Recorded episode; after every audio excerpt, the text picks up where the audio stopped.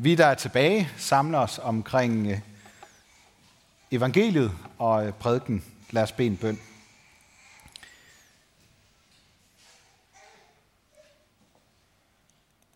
Gud, tak for børnene, både alle de store og de små. Vil du være med dem til børnekirke og juniorkirke? Og vi beder om, at du også vil være her med din ånd, og lad os være børn i forholdet til dig. Amen.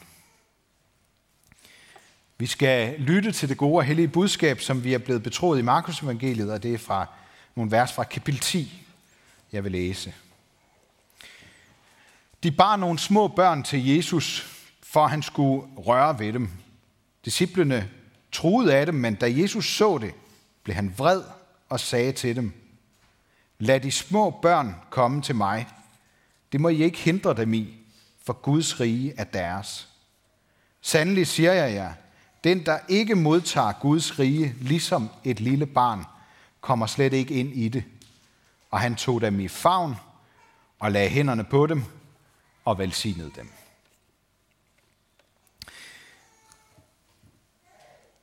Jeg tænker, der er mange af jer, som øh, har hørt de her ord før. Vi hører dem altid, når der er barndåb. Nu skal vi prøve at høre dem på en lidt anden måde. Øhm, og det første, det første jeg sådan øh, falder over i de her ord i dag, det er, det er det, at Jesus bliver vred. Jeg ved ikke, om I har tænkt over det. Den kærlige og medfølende mand. Altså indbegrebet, om, indbegrebet af om målestokken for næste kærlighed. Han bliver vred. Den første barriere, vi skal have brudt ned i dag, det er, øh, det er vores vingeskudte kærlighedsopfattelse. For det første, så tror jeg ofte, vi ender i sådan en romantisk forestilling om, at ægte kærlighed, det skal komme af sig selv, og det skal føles rigtigt for at være det. Måske endda med den tillægsforståelse af, at kærlighed skal være fri og grænseløs, fordi det ellers bliver til vaner og tvang. Og den slags barriere for kærlige relationer mellem mennesker kan ende med passionsløse parforhold og forældres frie opdragelse med en overdreven frygt for at sætte grænser. Det, som Jesus gør her, det er i den grad at sætte en tydelig grænse. Og han er fuldstændig i balance og drevet af kærlighed til sine menneskebørn. Vreden her er altså ikke et, et raseriudbrud, sådan som vi måske kender det fra os selv eller andre, men det er en kærlighedserklæring til børnene. Hans vrede sætter dem fri til at komme til ham og bryde de barriere, som disciplene stiller op. Og hvor kan vi let komme til det også? På mange forskellige måder. Og det vil jeg vende lidt tilbage til senere. Men for at gøre det med grænser og vrede færdigt, så er vreden fra Jesus et tydeligt tegn på kærlighed og det modsatte af at være ligeglad. Han er dybt optaget af, at ingen skal skille nogen mennesker fra hans kærlighed. Vi får i dag sådan et lille nytestamentligt glimt af den lidenskab, som kendetegner Gud. Og som vi kan læse mange historier om i det gamle testamente. En af nøglerne til at forstå Guds veje med sit folk og kampen mod fjenderne, det er netop kærlighedens vrede. Når nogen eller noget bliver en barriere for, at Guds kærlighed kan nå mennesker, så sætter Gud alt ind på at bryde den barriere. Og derfor kan man også måske blive lidt bange for, om man kan komme til, kan, altså kan jeg komme til at, at stå i vejen for Gud? Så skal vi huske på, at, at Gud er en Gud, der advarer. Og sandsynligheden for at stå i vejen er vel netop størst, når man ikke er opmærksom på det. Jeg har ikke tal på alle de gange, hvor Gud sender en profet til konger og folk og enkeltpersoner for at minde om omvendelsens mulighed. Og Jesus stiller sig i dag ind i rækken af dem, der advarer af kærlighed til os. Og mere tydeligt end nogensinde før i historien, så skinner netop den kærlighed igennem vreden og advarslen. Her i efter juletiden, eller epifanitiden, som man også kalder det, den vi er i nu, der kredser, der kredser læsningerne fra Bibelen om, hvordan Gud viser sig på forskellige måder for mennesker. Og det gør han ikke mindst ved at bryde barriere ned. Efter at have skabt forbindelse mellem tid og evighed, så hører vi i dag om, hvordan han skaber forbindelse mellem kærlighed og vrede. I vores kultur, der har vi tradition for at regne både kærlighed og vrede ind under kategorien følelser. I hvert fald, hvis de skal være ægte. Føler vi ikke længere noget, jamen så er det nok, fordi vi er blevet ligeglade. Men når Jesus bliver vred, så er det ikke kun udtryk for en sindstemning. Det er udtryk for passion. Han vil ikke finde sig i, at nogen spærrer vejen til Gud. Når Jesus elsker, så føler han ikke for os, men han handler og sætter sin vilje og alle sine jordiske og himmelske kræfter ind på at redde os fra adskillelsen fra Guds kærlighed. Prøv lige at forestille jer et tankeeksperiment. Hvordan ville det være gået, hvis det var følelsen af kærlighed, der skulle have båret Jesus gennem den sidste del af hans liv med piskning, hån og korsfæstelse? Det ved vi noget om, fordi han selv sætter ord på det den sidste aften, hvor han beder sin far om at slippe for det, hvis det er muligt. Det er passionen, det er kærligheden, som en viljesbeslutning, der får ham til at gennemføre sin redningsaktion for menneskeheden. Og hver gang det handler om den store plan om frelse, så ser vi gennem hele Bibelen, hvordan Jesus og Gud selv bliver kompromilløse og passioneret. For vores skyld. For børnenes skyld. For de udstøttes skyld. For dem, der ikke kan klare sig, for deres skyld. For kærlighedens skyld. Jeg tror, vi kan lære ikke så lidt af den form for kærlighed, når vi skal ofre os for vores ægtefælle måske, eller når vi skal opdrage vores børn, som der også er en del øh, offer i. Vrede som udtryk for afmagt eller manipulation, det er aldrig nogensinde god opdragelse. Men vrede som udtryk for kærlighed og omsorg, der sætter tydelige grænser for vores børn, når der virkelig er noget på spil, det er en nødvendighed. Aldrig med vold, men med vedholdenhed og omsorg. Vi skal ikke lade vores børn lære alt selv på den hårde måde. Det har aldrig været meningen. Vi skal som forældre gå foran dem som gode forbilleder, der passioneret fortæller om vores egne gode og dårlige oplevelser i livet. For sådan gør kærligheden. Den deler ud af sit eget og giver plads til, at man frit kan forholde sig til det selvstændigt. Nu skal jeg ikke øh, bruge hele prædiken på at kloge mig alt for meget om børneopdragelse. Det er egentlig ikke det, der er, er meningen. Jeg vil bare runde det her af med en opfordring til forældre om at sætte grænser i kærlighed. Vi har intet mindre end Jesus selv som forbillede her. Men hvad er det ellers for nogle barriere, vi kan komme til at sætte op for andre mennesker? Jeg oplever nogle gange, at vi usagt kommer til at sætte nogle bestemte kriterier op for, hvad der skal til for at være kristen. Man skal for eksempel helst have sådan en, en meget naiv og barnlig tillid til Bibelens mange mirakler og løfter, og man skal købe ind på hele pakken, før man kan kalde sig sådan rigtig kristen. Vel skal man ej.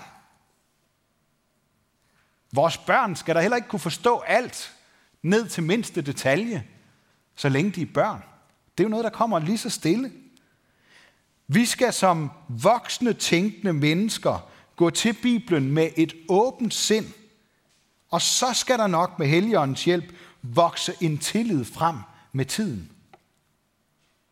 Det har jeg oplevet mange gange. Det er også den tilgang, vores halvårlige alfakurser er bygget op omkring. Når Jesus siger, at øh, Guds rige er børnene, så siger han, at vi vokser ind i Guds rige gradvist, kommer vi til en dybere erkendelse. Sådan vil Paulus nok øh, have udtrykt det. Vi skal netop ikke vente, til vi er voksne og forstår alt, men vi skal lade os flytte, adoptere, bære ind i Guds rige. Det gælder såvel børn som voksne. Og så det andet, der bliver tydeligt, det er, at vi ikke selv kan gøre det, der skal til. Det er kun Jesus, der kan. Det, som vi kan, det er at vise vej hen til ham.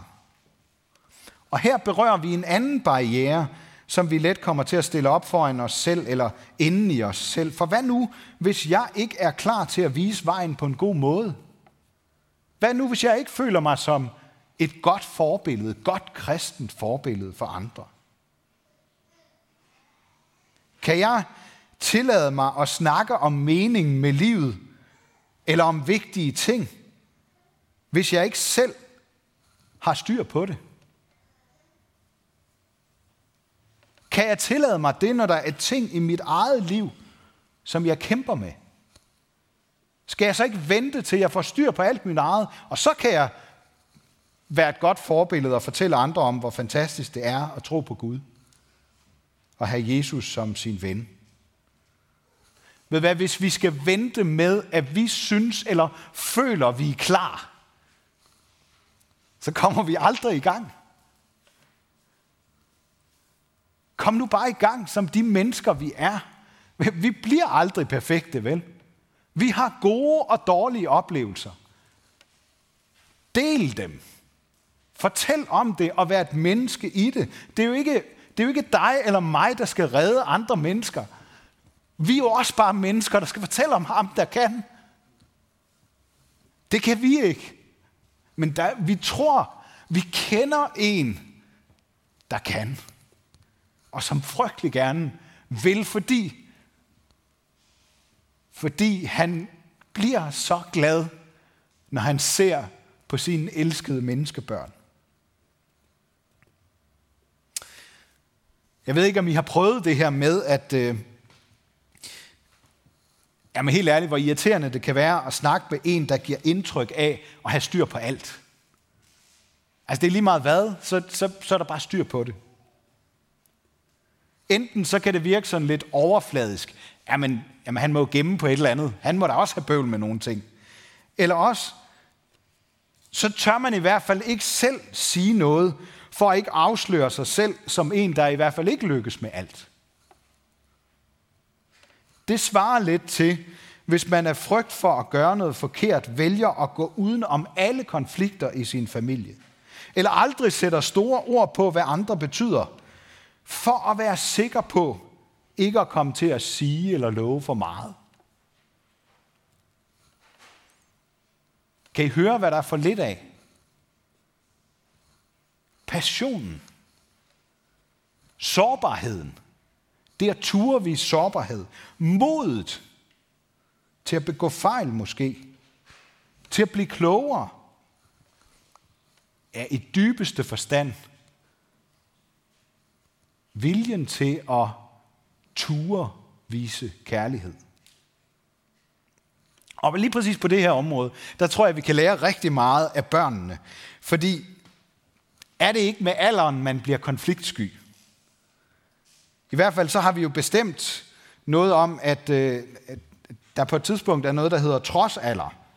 Jeg tror, at, at ikke, øh, jeg kan næsten ikke huske det længere, sådan to-tre års alder eller sådan noget. Så, så kommer man i noget, der hedder trodsalder eller sådan noget. Så er der også noget med teenager og teenageopgør.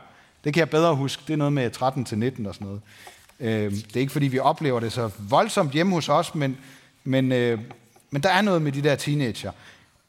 Øh, bare for at sige, jeg tror altså, det der med at blive konfliktsky, det der med at miste passionen, det er nogle gange noget, der kommer med alderen.